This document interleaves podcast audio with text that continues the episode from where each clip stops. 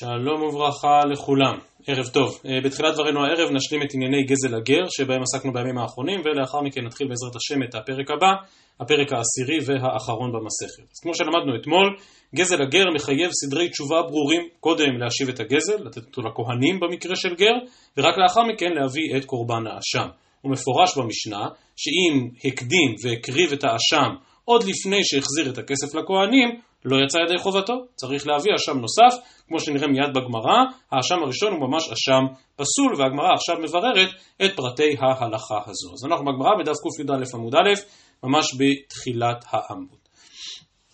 אומרת הגמרא תנו רבנן, נתן אשם ליהויריב, שזו המשמרת הראשונה, כזכור מבין משמרות הכהונה, ואת הכסף נתן לידעיה, למשמרת הבאה, יחזיר כסף אצל אשם דברי רבי יהודה. כלומר, באה משמרת יהויריב למשמרת ידעיה, ואומרים להם, תביאו לנו בבקשה את הכסף, כדי שנוכל להקריב את הקורבן.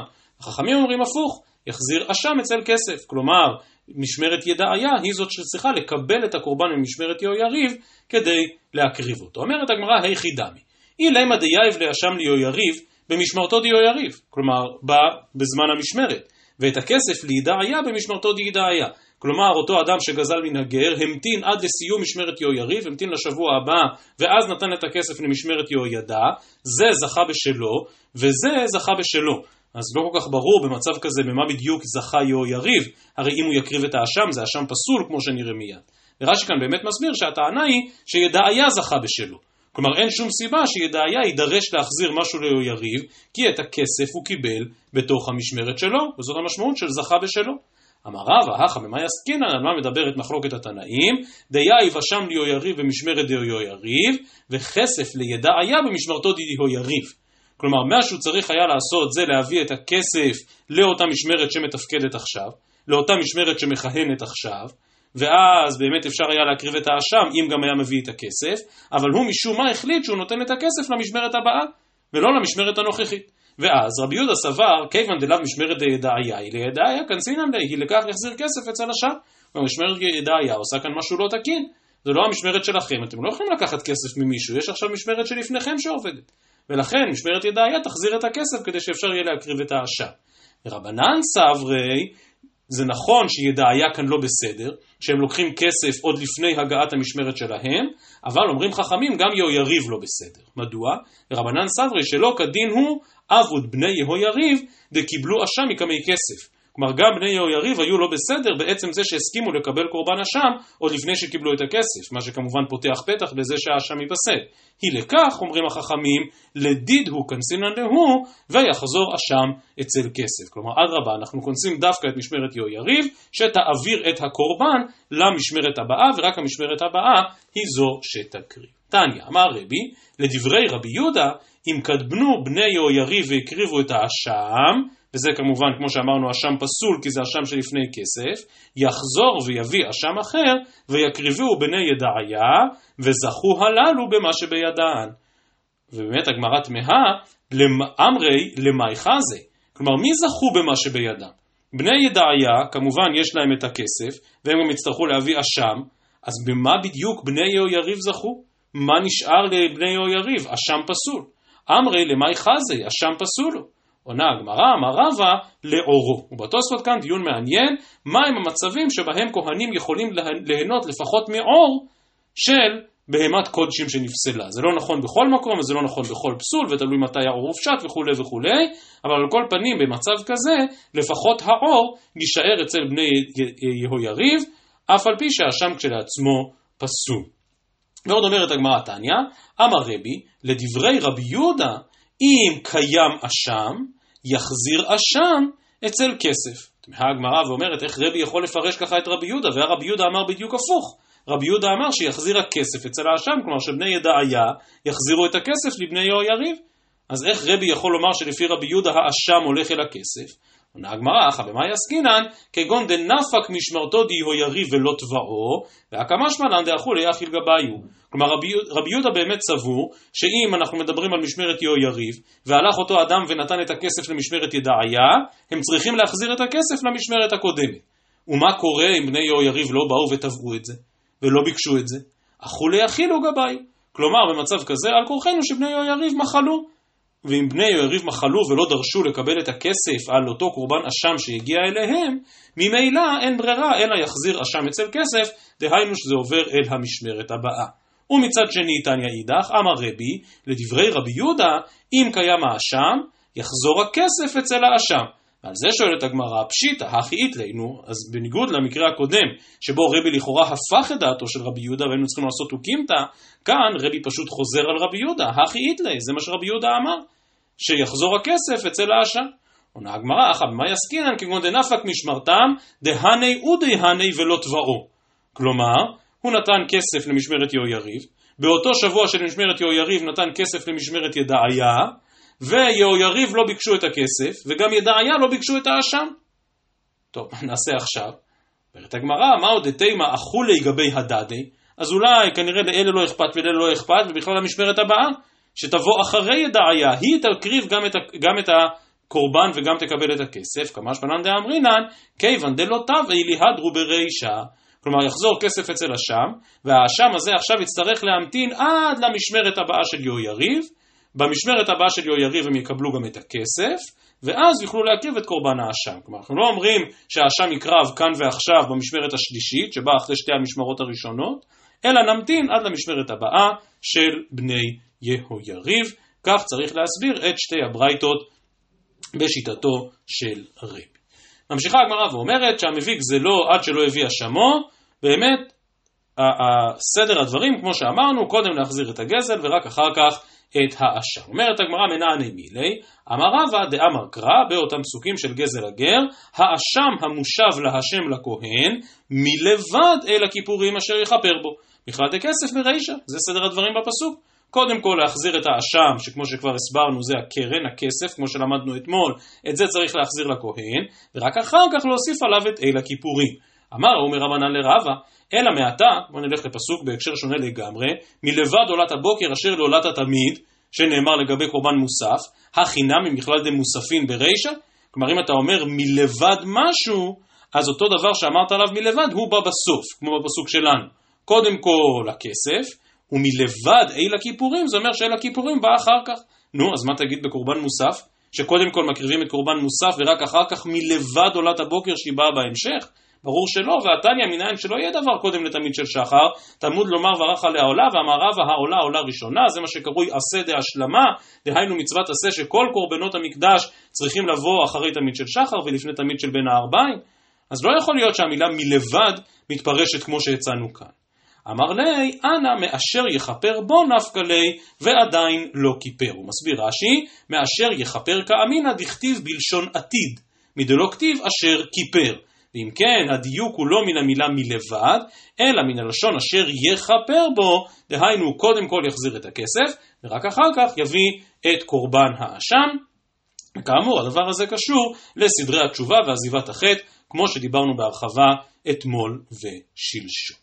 סיימה המשנה ואמרה שבאמת נתינת הכסף היא בראשונה ורק אחר כך האשם, לעומת זאת נתינת החומש כלומר אותה תוספת של חומש על מה שהוא גזל, זה כבר לא מעכב את כפרתו. מזכירה הגמרא, ובזה מסתיים הפרק, שההלכה הזו עצמה קיימת בהקבלה לא רק בענייני אשם גזלות או גזל הגר, אלא גם באותה פרשייה עצמה, שם בסוף פרשת ויקרא, הפרשייה של מעילה.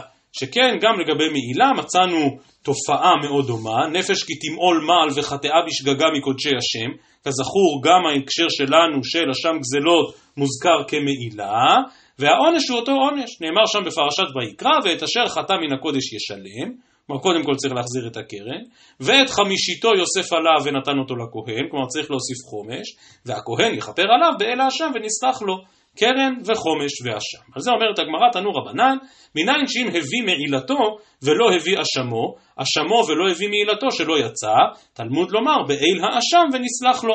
כלומר גם כאן, כדי שיזכה אותו מועל לכפרה, הוא חייב גם להחזיר את הקרן וגם להביא את האשם. ומניין שאם הביא אשמו עד שלא הביא מעילתו שלא יצא, כלומר גם לעניין מעילה הסדר מחייב קודם להחזיר את הכסף ורק אחר כך אשם מעילות, תלמוד לומר באיל האשם, האשם בכבר. האשם בכבר, הכוונה אשם במובן של הקרן, כמו שהגמרא מיד תסביר, דהיינו שגם בפסוקים הללו המילה אשם מכוונת לתשלום. ואם כן, באל האשם, הכוונה שאת האשם עצמו, שאת הכסף עצמו, הוא כבר החזיר. יכול כשם שאיל ואשם מעכבים, כך גם החומש מעכל, תלמוד לומר באל האשם ונסלח לו. איל ואשם מעכבים בהקדש, ואין החומש מעכב. הוא מסכם את הגמרא, וילמד הקדש מהדיוט והדיוט מהקדש. הקדש מהדיוט, מה אשם דהתם? כלומר, מה האשם של ההדיוט, של אשם גזלות, כמו שהוכחנו אתמול בהרחבה, מדובר על הקרן. אף על פי שהמילה אשם בפשטות מכוונת לקורבן, כאן בהקשר שלנו המילה אשם מכוונת לתשלומי הקרן. ממילא אף אשם דהכה, שנאמר לגבי אשם גזלות, הכוונה לקרן, לתשלום. זה מה שלומדים מהדיוט להקדש. ומצד שני ההדיוט עצמו לומד מן ההקדש, שמה הקדש אין החומש מעכב, כמו שדייקנו שאיל ואשם מעכבים ולא חומש, אף הדיוט נמי אין חומש מעכב. מפורש ברמב"ם שחובה לתת אותו גם אחר כך. כלומר גם בגזל הגר, גם במעילה, גם באשם גזלות, זה נכון שהחומש לא מעכב, אבל אם בא אותו אדם והחזיר את הקרן והביא את הקורבן ולא הביא חומש, זה שהוא כבר הביא את הקורבן זה לא פוטר אותו מחומש. הוא עדיין יצטרך להביא את החומש. אבל החידוש הוא, כמו שראינו, שהחומש אינו מעכב, הדרנה לך הגוזל עצים. ובשעה טובה אנחנו מתחילים בעזרת השם את הפרק האחרון במסכת, פרק הגוזל ומאכיל. הסוגיה הראשונה של הפרק הזה עוסקת בענייני קנייני גזלה, בייאוש, בשינוי, נושאים שכבר דיברנו עליהם בעבר. בהמשך הפרק נעבור גם לנושאים אחרים, נושאים שהם לעיתים במעטפת הרחבה יותר של הלכות גזל, כמו למשל כל מיני מגבלות על רכש או על משא ומתן בממון שנחשד להיות גזל. ממון של רועים, מוכסים, מסיקים, כל מיני מרעין בישין שהקהילה היהודית לדורותיה הייתה צריכה לא להסתבך איתם, או למשל הלכות גזל ונזק לממון הזולת, כאשר אדם רוצה להציל את ממון שלו בממון חברו ולהתכוון לשלם, או הפוך, כאשר אדם מזיק את הממון שלו כדי להציל ממון של חברו, אבל אחר כך בא ומבקש על זה פיצוי, הלכות מורכבות כשלעצמן, ובסיומו של הפרק הלכות נוספות שקשורות למצוות השבת הגזלה ולעוד כל מיני מקרי ביניים שונים. מעניין לעניין כדרכו של תלמוד מצאנו כאן בפרק סוגיות חשובות לגבי גזל עכו"ם, לגבי סדרי הדין בבית הדין, וכן הלאה כדרכו של תלמוד. אז כאמור הסוגיה הראשונה בפרק העשירי, סוגיה שאמורה להיות מוכרת לנו כבר מן העבר, ועוסקת באדם שגזל ומת, והגזלה שהוא גזל נופלת בפני היורשים. וכמו שנראה מיד בגמרא, בעצם בעמוד הזה שעומד כאן לפנינו, קי"א עמוד ב', בעצם הולכים ומתפתחים שני דיונים שונים, או שני דיונים מקבילים. דיון אחד הוא שורת הדין בהלכות גזל, דהיינו האם או מתי היורשים קונים את הגזלה, בייאוש, בשינוי רשות, בשינוי מעשה. אם תראו ש... בעלי התוספות כאן, לאורך דף קי"א עמוד ב', באמת העריכו הרבה בהצלבה ובחיבור בין הסוגיות השונות של ייאוש כדיקני, של שינוי רשות ועוד ועוד, כמובן לא נאריך בזה, אבל מהבחינה הזאת הסוגיה שלנו היא המשך ישיר למה שכבר למדנו, זה ציר אחד של הדיון, הציר הממוני הפשוט בהלכות גזל, ייאוש, שינוי רשות וכולי. אבל מעבר לאותו דיון ממוני, תחדש הגמרא מיד שיש גם חובה נוספת, חובה שנקראת משום כבוד אביהם. כלומר, גם באותם מצבים שלא עומדים בהגדרות הממוניות הרגילות לחובה של השבה, נניח אם היה ייאוש או שינוי רשות וכדומה, עדיין יהיו מצבים שבהם אותם יורשים יידרשו להשיב את הכסף משום כבוד אביהם. ולכן כאמור מיד נראה שבעצם בביטוי אחד במשנה גלום הספק על מה בכלל מדובר כאן, האם יש כאן דיון בדיני ממונות ובהלכות גזל, או שיש כאן בכלל דיון אחר בהלכות כבוד אביהם. ובכן אומרת המשנה, דף קי"א עמוד ב', הגוזל ומאכיל את בניו, והניח לפניהם, פטורים מלשלם. ואם היה דבר שיש בו אחריות, חייבים לשלם.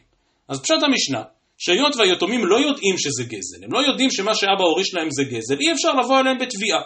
התביעה יכולה להיות אך ורק לאבא שלהם, אבל אבא שלהם כבר בעולם שכולו טוב, הוא כבר לא כאן, אי אפשר לתבוע ממנו. אלא ששתי נקודות לא מבוארות במשנה. נקודה אחת, מה בדיוק היתומים עשו עם הגזלה הזאת? אביהם הניח לפניהם, ואז מה קרה? איפה הגזלה עכשיו? הם באמת אכלו אותה? כמו שהאבא התכוון להאכיל אותה? או שהגזלה עדיין נמצאת כאן? אז זאת שאלה אחת, מיד הגמרא תסביר אותה. ושאלה שנייה בפשט המשנה, שבמידה רבה היא שאלת המפתח, מה פשר הביטוי דבר שיש בו אחריות? כלומר, המשנה קובעת שמצד אחד היתומים פטורים מלשלם, לא נושאים באחריות כי הם לא גזלו שום דבר, זה היה אבא שלהם, ומצד שני יש מקרה של דבר שיש בו אחריות, ואז בכל זאת אפשר לתבוע מהם. מה זה? אז כפי שנראה מיד, הגמרא תציע שני פירושים שונים, שבמידה רבה יובילו לאותם שני ערוצים שהזכרתי מקודם, האם מדובר על חובת השבה ממונית מצד הלכות גזלה, או על חובת השבה משום כבוד אביהם. ואם כן, המשנה הזאת בוודאי צריכה פירוש לפירושה, והנסתר רב על הנגלה, וזה בדיוק מה שהגמרא תברר. נקודה ראשונה, אמר רב חיסדא, גזל ולא נתייאשו הבעלים. הוא בא אחר ואכלו ממנו, רצה מזה גובה, רצה מזה גובה. כלומר, אדם גזל חפץ, כרגע החפץ בביתו, הביילים עדיין לא התייאשו, אז ייאוש לא היה כאן, שינוי רשות גם לא היה כאן, ואז בא מישהו ואכל את החפץ, ואכל את הגזלה. אז מי הוא הגזלן עכשיו, הראשון או השני? אומר רב חיסדא, רצה מזה גובה, רצה מזה גובה, שניהם גזלנים, מה הייתה אמה? כל כמה דלא נתייאשו הבעלים, היות שלא היה כאן ייאוש, ברשותי דמרי קאי. כלומר זה עדיין נמצא ברשות הנגזל, כי הוא עוד לא התייאש מזה. ואם הוא לא התייאש מזה, אז גם השני שבא ואכל מן הגזלן, גם הוא בעצמו נחשב גזלן. כך מחדש רב חיסדא שרצה מזה גובה, רצה מזה גובה. אומרת הגמרא תנען, הגוזל הוא מאכיל את בניו והניח לפניהם, פטורים מלשלם, טיובתא דרב חיסדא, הרי רב חיסדא אומר משהו בדיוק הפוך ממשנתנו. אם רב חיסדא היה צודק, אז כאשר באו היתומים ואכלו את הגזלה של אביהם, רצה מזה גובה, רצה מזה גובה. אפשר לחייב גם את היתומים, כי הם הגוזלים מגזלן, הם אכלו משהו של גזלן. אז משנתנו היא הפוך מרב חיסדא. אמר לך רב חיסדא, מה לא ברור? כי תניא ההיא לאחר ייאוש. כל מה שרב חיסדא הדגיש ואמר זה גזל ולא נתייאשו הבעלים. והיות שהבעלים לא נתייאשו, אז ברשותי דמרי קאי, זה עדיין שלהם. ואם עכשיו יבוא אדם שני וייקח מן הגזלן ויאכל, גם הוא בעצמו נחשב גזלן. אבל משנתנו מדברת על מצב שכבר היה ייאוש. ואם באמת היה ייאוש, אומר רב חיסדא, אז הבנים אי אפשר לחייב אותם לשום דבר. לו אביהם היה חי, היה צריך לשלם בעצמו, כי זה שהביילים נתייאשו זה לא פותר את הגזלן מאחריות. אבל היות שהיתומים נהנו מן הגזלה הזאת אחרי שהביילים כבר נתייאשו, ממילא אי אפשר לחייב אותם, כך מסביר רב חיסטה. אז רגע שלפני שנראה את המשך הסוגיה והמשך ביאור המשנה, תוך כדי הדברים הזכרתי כמה פעמים שפשט הדברים, לפי רב חיסדא, ברשותי דמרי קאי, ולכן השני חייב כגזלן. כותב רש"י כאן, ברשותי דמרי קאי, וזה שאכלו, כלומר השני שבא ולקח מן הגזלן, נעשה כגוזלו מבעליו. כלומר גם השני נחשב גזלן. אני יודע שיש מי שיתעקש ויאמר, לא, לא, לא, לא קראת היטב, שים לב מה רש"י אומר, נעשה כגוזלו מבעליו. יש כאן כף הדמיון. מורנו הרב ליכטנשטיין כל פעם היה שם לב לנקודות הללו. זה לא גזל ממש, זה רק כמו גזל.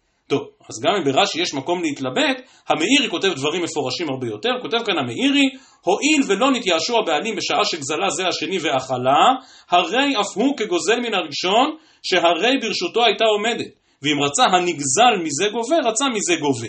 אז נראה שגם המאירי משתמש כאן באותה כף הדמיון, אבל במאירי זה אולי קצת יותר מבואר מה, מהקיצור לשונו של רש"י, שבאמת גם השני נחשב כגזלן. ואין ספק שכך פשט הדברים. אלא שבקצות החושן יצא לידון בדבר החדש, והקצות נמצא דווקא לא בהלכות גזלה, אלא בסימן ל"ד, בהלכות עדות. סימן ל"ד, סעיף קטן ג', מי שמכיר, אחד הקטעים הכי מפורסמים, אני חושב, בכל הקצות החושן, זה סימן ל"ד, סעיף קטן ד', איפה שהקצות דן בנושא של פסול נוגע בעדותו, וההלכה של הודעת בעל דין, אז אנחנו לומדים היום את הקצות בסימן ל"ד, סעיף קטן ג', פסקה אחת לפני כן. מדובר שם כאמור בהלכות עדות, ובשאלה האם מי שחולק עם הגזלן, האם הדבר הזה נפסל לעדות. אדם שמשתף פעולה עם גזלן, האם בדבר הזה הוא נפסל לעדות? הנושא הזה ממש לא קשור לענייננו, אבל אגב הדיון הזה, כותב הקצות כדברים הבאים.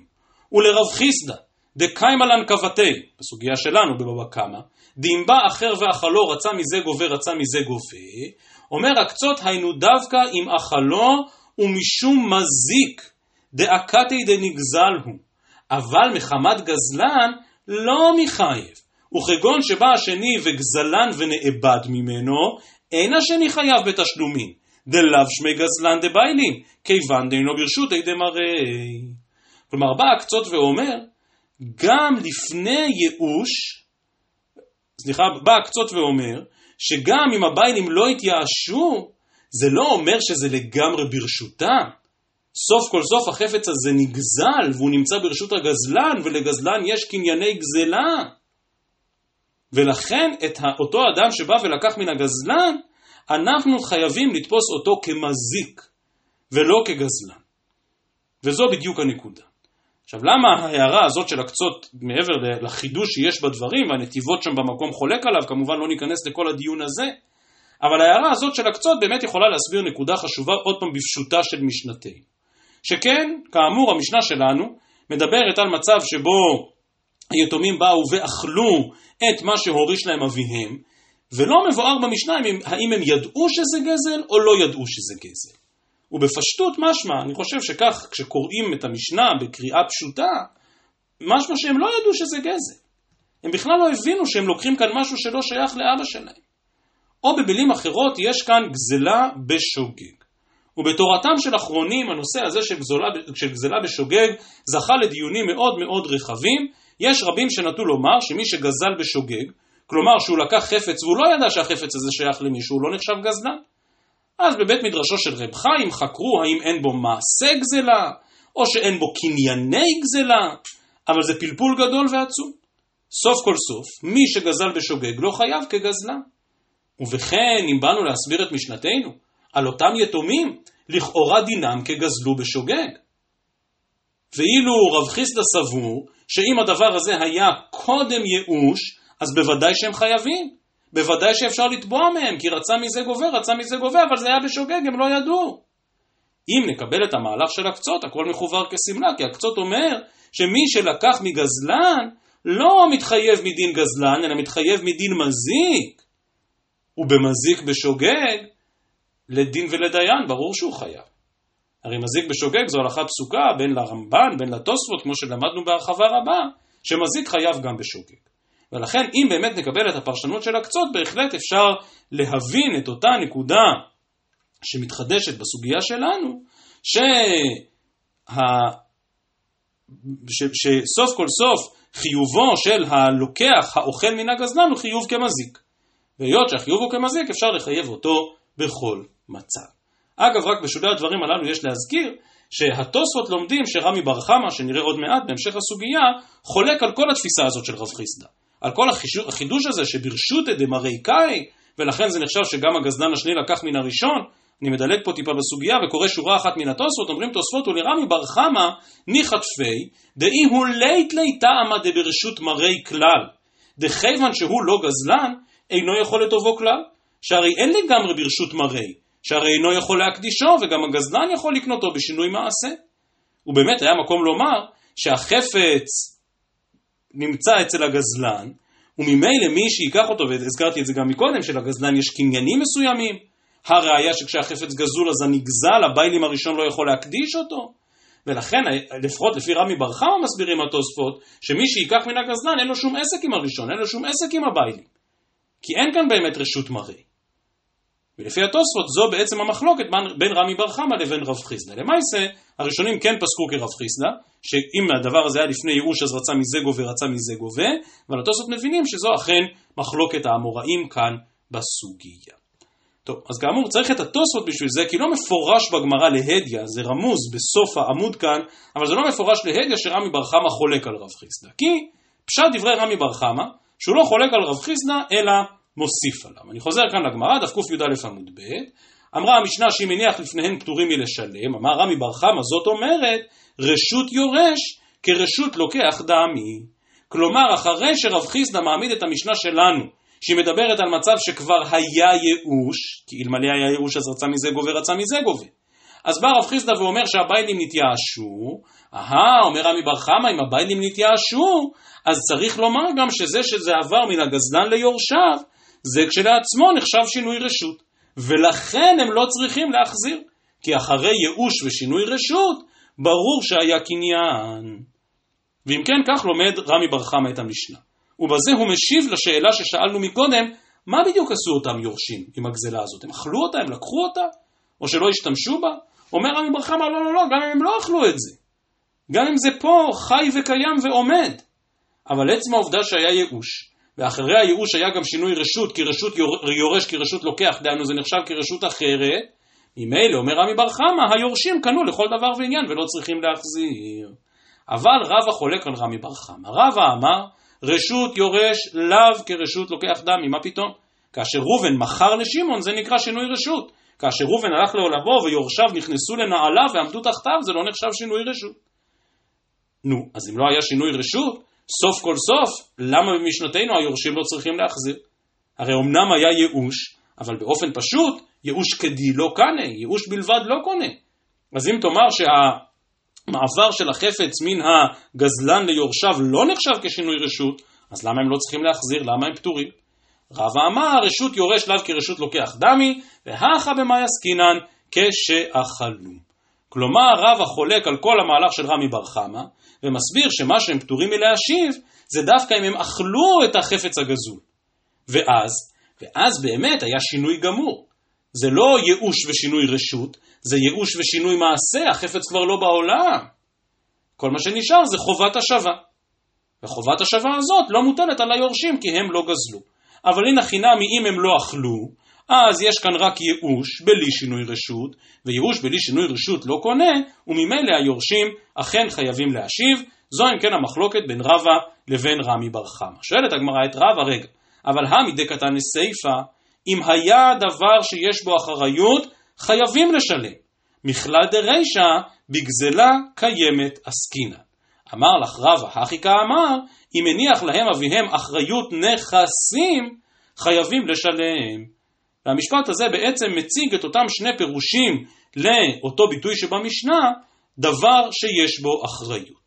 והגמרא מיד תברר שבעצם מחלוקת האמוראים הזו, מחלוקת רבא ורמי בר חמא, היא בעצם מחלוקת בין שתי ברייתות שנחלקו בהסבר של מילה אחת, המילה אחריות. בפשטות, אחריות, בכל מקום שאנחנו, או כמעט בכל מקום שאנחנו מוצאים את המילה אחריות, הכוונה לאחריות נכסים, לקרקעות. וזה בעצם המהלך שרבא כאן מציע, וזה מהלך מאוד מתבקש. כלומר בא רבא ואומר, אם החפץ עומד בעין, שיחזירו אותו. אם הם כבר אכלו את החפץ וכל מה שנשאר זה רק חוב ממוני, אז החוב מהאבא הגזלן לא עובר ליורשיו, אלא אם כן, אלא אם כן יש אחריות נכסים. אלא אם כן הוריש להם קרקע, ואז החוב לא מוטל על היורשים, החוב מוטל על הקרקע, והנגזל יכול לגבות מן הקרקע. ואם כן, מה שכתוב במשנתנו הוא מאוד מאוד פשוט. הגוזל ומאכיל את בניו והניח לפניהם באמת פטורים מלשלם כי החפץ לא בעין והחפץ הזה נקנה בייאוש ושינוי מעשה, אלא שאם יש אחריות נכסים, אם האבא הוריש לבנים קרקע, אז החוב הזה שמוטל רק על האבא ולא על הבנים, אבל החוב הזה חל על הקרקע. ומן הקרקע הזו הם צריכים לשלם. אני קורא שוב בגמרא, אמר לך רבא הכיקה אמר, אם הניח להם אביהם אחריות נכסים, אז החוב הזה של האבא חל על אותה אחריות נכסים, חל על הקרקעות. וכך באמת הפירוש הפשוט ברוב המקומות. אז מהו הפירוש בקושיית הגמרא? איך אפשר להבין אחריות, נכס... אחריות בדרך אחרת? הגמרא כאן רוצה להציע שאחריות אין פירושה אחריות נכסים, קרקעות, אלא אחריות הכוונה חפץ מסוים, חפץ ספציפי. כותב כאן רש"י, דבר שיש בו אחריות כגון דבר הניכר לרבים ונראה כל שעה, כאין קרקע או כגון טלית וכסות. ובהמשך הסוגיה רש"י חוזר ומדגיש, והכל מעידין שהיה דנגזל. וזה בעצם יסוד העניין, שגם כאשר הגזלה קיימת אין חובה להחזיר אותה, שלא כמו רבה, אלא אם כן זה דבר הניכר לרבים. ואם כן, כאשר הגמרא מקשה על דבריו של רבה, רבה המי דקתניא סיפא אם היה דבר שיש בו אחריות, בשלב הזה הגמרא מבינה דבר שיש בו אחריות, הכוונה חפץ שיש בו חשיבות מיוחדת, שכולם יודעים שהוא שייך לנגזל, טלית, כסות וכולי, אז הם חייבים לשלם. מכלל דרישא, דהיינו שזה חפץ שאין בו איזושהי ייחודיות. גנב ארגז של תפוחים, אין פה ארגז של תפוחים של פלוני או של אלמוני. ובכל זאת לא צריכים להחזיר. אבל הרי רבא אמר שבכל מקרה שהחפץ קיים הם כן צריכים להחזיר אותו. וכל הפטור שלהם מהשבה זה רק אם הם אכלו את הפירות או אכלו את החפץ ואז הם לא צריכים להשיב. ולכן שוב רבא אומר לא לא לא. אותה אחריות שבמשנה, אין הכוונה לדבר שיש בו אחריות, לדבר שיש בו חשיבות או שהוא ניכר באופן מיוחד, אלא אחריות כפשוטו, אחריות נכסים. ואם כן, המחלוקת בין רבא לרמי בר חמא היא בעצם מחלוקת בפרשנות המשנה ובהבנת המילה אחריות. ועכשיו התברר בגמרא שזו בעצם לא מחלוקת רבא ורמי בר חמא, זו מחלוקת תנאים מפורשת בין שתי ברייתות שמסבירות את המשנה, ומכאן נחזור למה שהזכרתי מקודם, לזה ששתי הברייתות לא רק חלוקות בפרשנות של מילה אחת במשנה, אלא גם חלוקות בהבנת מהות ההלכה שנזכרת במשנה הזו. וכן מקשה הגמרא על רבא ואומרת, והמתנלי רבי לרבי שמעון ברי, לא דבר שיש בו אחריות ממש. כלומר, אל תטעה לחשוב שהאחריות שבמשנה, הכוונה אחריות נכסים, קרקעות וכולי, לא, אלא אפילו פרה וחורש בה. חמור ומחמר אחריו, חייבים להחזיר, וכאן שימו לב לחידוש, מפני כבוד אביהם. כלומר, כשרבי למד את המשנה הזאת עם רבי שמעון בנו, הוא הדגיש לו ואמר לו, כאן לא מדובר על אחריות נכסים, כאן מדובר על אחריות מסוג אחר. כאן מדובר על האחריות להחזיר משהו שכולם יודעים שהוא גזול. אם כולם יודעים שאבא שלך גזל פרה או חמור והשתמש בה, אתה חייב להחזיר מפני כבוד אביך. ואז, באופן פשוט, היורשים לא צריכים להחזיר, אפילו חפץ בעין הם לא צריכים להחזיר, אלא אם כן נדרש כאן כבוד אביהם. ואם חשבת שאפשר להשליך על המשנה שלנו את כל אותן הלכות של ייאוש, שינוי רשות, שינוי מעשה, מה פתאום, זה לא קשור. כל חובת ההשבה במשנה שלנו, לפי הברייתא הזאת של רבי ורבי שמעון ברי, כל כולה מפני כבוד אביהם. טוב, אז באמת סוף כל סוף קשה על רבא. כי רבא כן הסביר שאחריות הכוונה קרקעות, אחריות נכסים שאפשר לגבות מהם חובות, ולא אחריות במובן זה של פרה וחורש בה, שיש כאן כבוד אביהם. אומרת הגמרא, אלא אמר רבא, כי שכיבנה אחרי 120 שני, רבי הושעיה נפיק לבתי. רבי הושעיה יצא לקראתי מישיבה של מעלה, דתריץ נמתניתין כבתי. והתוספות כאן מעירים שזאת מדיניות שיטתית של רבא. למרות שיש כאן פרשנות של רבי לרבי שמעון ברי, מי יותר מוסמך מרבי להסביר פשט משנה? לא. רבא אומר, אני מסביר פשט משנה דווקא כמו רבי הושעיה. דתני רבי הושעיה, הגוזל ומאכיל את בניו פטורים מלשלם. מה הכוונה? שאם מניח לפניהם גזלה קיימת, חייבים. כלומר, אם הגזלה אכן קיימת, ברור שהם חייבים לשלם, מה פתאום לפתור אותם? במה הם קנו אותה? וגם אם היה ייאוש, ייאוש לבד לא קונה. אלא שאם אין הגזלה קיימת, אז הם פטורים. וגם אז, כאשר אין הגזלה קיימת והם פטורים, אם מניח להם אביהם אחריות נכסים, כלומר שהשאיר להם קרקע, חייבים לשלם. סוף דבר, באמת יש כאן שני מהלכים שונים לגמרי בהסבר המשנה. היינו המהלך של רמי בר חמא, שאומר שיש כאן קניין בייאוש ושינוי רשות, וממילא הקניין של היורשים הוא קניין גמור אפילו אם החפץ בעין, וכל החובה להשיב תהיה לכל היותר משום כבוד אביהם. ומהלך אחר לגמרי של רבא, שאומר מה פתאום, זה לא החזרה משום כבוד אביהם, אלא אם החפץ בעין צריך להחזיר אותו כי הם לא קנו אותו, אם היה ייאוש ושינוי מעשה אז הם לא צריכים להחזיר כי החוב מוטל על אביהם, אלא שאם אביהם הכשיר, הכשיר קרקע, אז החוב הזה מוטל על הקרקע כמו כל חוב אחר. ואם כן, לפנינו מחלוקת מפורשת בין רבא לבין רמי בר חמא בהבנת המשנה. חוזרת הגמרא עכשיו לראשיתה של הסוגיה. אמר מה, ראינו בברייתא, שאם אין הגזלה קיימת, באמת הם פטורים מלהשיב. רגע, אז אם ככה, נימא תאוות יובטא, רב חיסדא, כמו שהקשינו מקודם, הרי רב חיסדא אמר רצה מזה גובה, רצה מזה גובה. ואילו כאן נאמר שאם אין הגזלה קיימת, אז אי אפשר לגבות מן היורשים, אלא רק מהאבא המת, שאי אפשר לגבות ממנו. אמר לך רב חיסדא, כבר הסברתי לך, כי תניא ההיא לאחר ייאוש, והתוספות כאן באמת מעירים למה הגמרא שואלת את זה פעם נוספת, ומיישבים שזה רק כדי שאפשר יהיה להקשות גם על רמי בר חם. אבל רב חיסדא לשיטתו אומר, לאחר ייאוש. לאחר ייאוש, אם אין הגזלה קיימת, הם באמת פטורים מלהחזיר. אבל קודם ייאוש, רצה מזה גובה, רצה מזה גובה. אמר מר, שאם הגזלה כן קיימת, חייבים לשלם. נו, אז נאמר תאוות יובטא דרמי בר חמא, שאומר שגם אם הגזלה קיימת היא נקנתה בייאוש ושינוי רשות, אמר לך רמי בר חמא, בתמונת ראי למשנתו של רב חיסדא, כי תניא ההיא לפני ייאוש. כלומר, לפני ייאוש גם אני מודה ששינוי רשות לא קונה, כי שינוי רשות גריידא בלי ייאוש, אכן לא מועיל. ממשיכה הגמרא קי"ב עמוד א' ואומרת, רבדה בר אהבה מתני להא דרמי בר חמא, דהיינו לזה שרשות יורש מהווה שינוי, אהה, לא על ההלכה שלנו בהלכות גזלה, אלא על ההלכה אחרת בהלכות ריבית.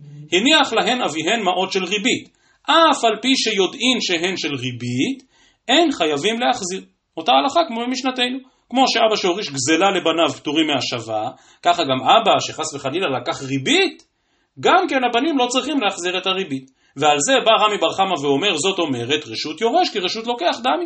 למה הם לא חייבים להחזיר? כי האבא לקח את הריבית, אבל הריבית בינתיים עברה לרשות אחרת, ואין בה חובת השבה. רבא אמר, לעולם אין מלאך רשות יורש, לאו כי רשות לוקח דמי. זה לא נכון, לא נחשב שינוי רשות, אבל שנה הכה, אז אם ככה, למה היורשים לא צריכים להחזיר את הריבית? שנה הכה שיש גזירת הכתוב מאוחדת, דאמר קרא, אל תיקח מאיתו נשך ותרבית, ויראת מאלוהיך, וחי אחיך עמך. דהיינו, שהתורה מצווה, אהדר לי, כי היכי דנחי בהדך. כלומר, יש חובה מיוחדת להשיב את הריבית כדי לקיים וחי אחיך עמך. כדי לסייע לאותו לווה מסכן שלא היה לו להשיב. וממילא מסביר רבא, לדידי כמזהר לי רחמנה, כלומר אותו אדם שלקח ריבית, הוא מצווה לקיים וחי אחיך עמך, אבל לברי, לבנו של אותו אדם, לא מזהר לי רחמנה, ואין עליו בכלל חובה להשיב. מסיימת הגמרא ואומרת, מאן דמתנה לה כלומר מי שמסביר שמחלוקת רמי בר חמא ורבא מדברת על הברייתא, על הלכות ריבית, אז כל שכן שנחלקו גם על משנתנו. אבל מאן דמתנה לה מתניתין, אבל הברייתא, רמי בר חמא כרבא מתנה לה. כלומר, רמי בר חמא יקבל את אותה גזירת הכתוב שאומרת שיורשים אינם צריכים להחזיר את ריבית אביהם. גם אם תאמר שרשות יורש לאו כרשות לוקח דמי, וזה לא נחשב שינוי רשות, והיורשים לא קנו, הם עדיין לא צריכים להחזיר, כי יש גזירת הכתוב מפורשת שאומרת רק מי שלקח את הריבית הוא גם זה שידרש להשיב אותה. או במילים אחרות, ובזה נסיים, בריבית יש יותר סברה לפתור את היורשים מהשבה. והגמרא כאמור מסבירה שיש בזה טעם הדקרא מיוחד, שנדרש להשיב דווקא מי שלקח את הריבית. אז נכון שרש"י כאן מציין גם לישנה הפוכה, שבריבית יש יותר סברה לחייב את היורשים, אבל רש"י מעדיף את הלישנה כמו שהיא כתובה לפנינו. כאמור שבריבית חובת ההשבה על היורשים פחותה. וכדי להסביר את מהות העניין מחדש הרשב"א כאן חידוש נפלא, כמו שאמרתי ברשב"א הזה נסיים. כותב הרשב"א קשיא לי, אם כן, אף בגזלה נאמר כן. הרי למה האדם צריך להחזיר ריבית? כי כתוב בפסוק וכי אחיך עמך, זה מצווה שמוטלת על מי שלקח את הריבית. נו, ולמה צריך להחזיר גזלה? כי כתוב, אומר הרשב"א, והשיב את הגזלה אשר גזל, אז תגיד אותו דבר, מי שגזל הוא זה שמחויב להשיב, ולא בנה. אומר הרשב"א, ונראה לי דאסייפא דקרא סמיך דכתיב וכי אחיך עמך, דמיני דרשינן בפרק איזה הוא נשך, אהדר לי כי היכי דנחיה בהדך, וכיוון דמדעתי יהיב, לא אז הרחמנה אלא להי דשקלי דנחיה בעדי, אבל לברי דלא שקלי מיני, לא אז הרדפי מכל חד מישראל. כלומר, אומר הרשב"א, חובת השבת הגזלה היא חובה מוחלטת, היא נובעת ממציאות פשוטה. לקחת משהו שלא שייך לך, ולכן אתה חייב להחזיר אותו. והמצווה הזאת מוטלת גם על היורשים. כל עוד החפץ כאן ולא היה ייאוש, אז תחזיר את זה, זה לא ממון שלך. הדבר הזה, אומר הרשב"א, שונה מחובת השבת הריבית. כי לחייב מלווה בריבית להחזיר, זה חידוש גדול יותר, ולמה?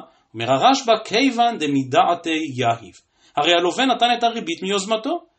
ולכן, איזה מין חובת השבה יש כאן? למה שאני אחזיר לו? הוא נתן לי את הכסף הזה מרצונו החופשי. לא גנבתי, לא גזלתי, לא עשקתי. סיכמנו מראש שאני אלווה לו 100 והוא יחזיר 120, והוא יחזיר לי 120. ואם כן, אומר הרשב"א, כל המצווה להחזיר ריבית היא מצווה שלא נובעת מאיזושהי מציאות פשוטה, אלא נובעת רק ממצוות התורה ומהאיסור החמור בריבית וממצוות וכי אחיך עמך. או במילים אחרות, ריבית איננה מוגדרת כממון ראובן ביד שמעון, אלא זה ממון שמעון שזכה בו בהסכמה מלאה. וכל החובה להשיב כאמור זה רק מצוות התורה, והמצווה הזאת, מחדשת הגמרא כאן, מוטלת על האב ולא על יורשיו. אין ספק שדברי הרשב"א הללו קשורים לתפיסות יסוד בהלכות ריבית, ולשאלה האם באמת ריבית היא סוג של גזל, כמו אותה סוגיה בבבא מציע שאומרת למה התורה הייתה צריכה לומר לאו בגזל, לאו בריבית, לאו בהונאה, כלומר שבאמת גז, ריבית נתפסת כמו גזל כממון ראובן ביד שמעון, או שריבית היא משהו אחר לגמרי. הכל נובע בהסכמה, הממון ניתן ברצון מלא, אלא שהתורה אוסרת לעשות את זה ולכן צריך להשיב. השאלה הזו היא שאלה גדולה ועצומה בהלכות ריבית. בעזרת השם, התחלנו פרק אחרון בבבא קמא, פנינו כבר לעבר מסכת בבא מציע, ובעזרת השם ובלי נדר, נרחיב בזה יותר כאשר נגיע בבבא מציע לפרק איזה הוא נשך, אבל גם בזה עוד חזון למועד. ערב טוב לכולם.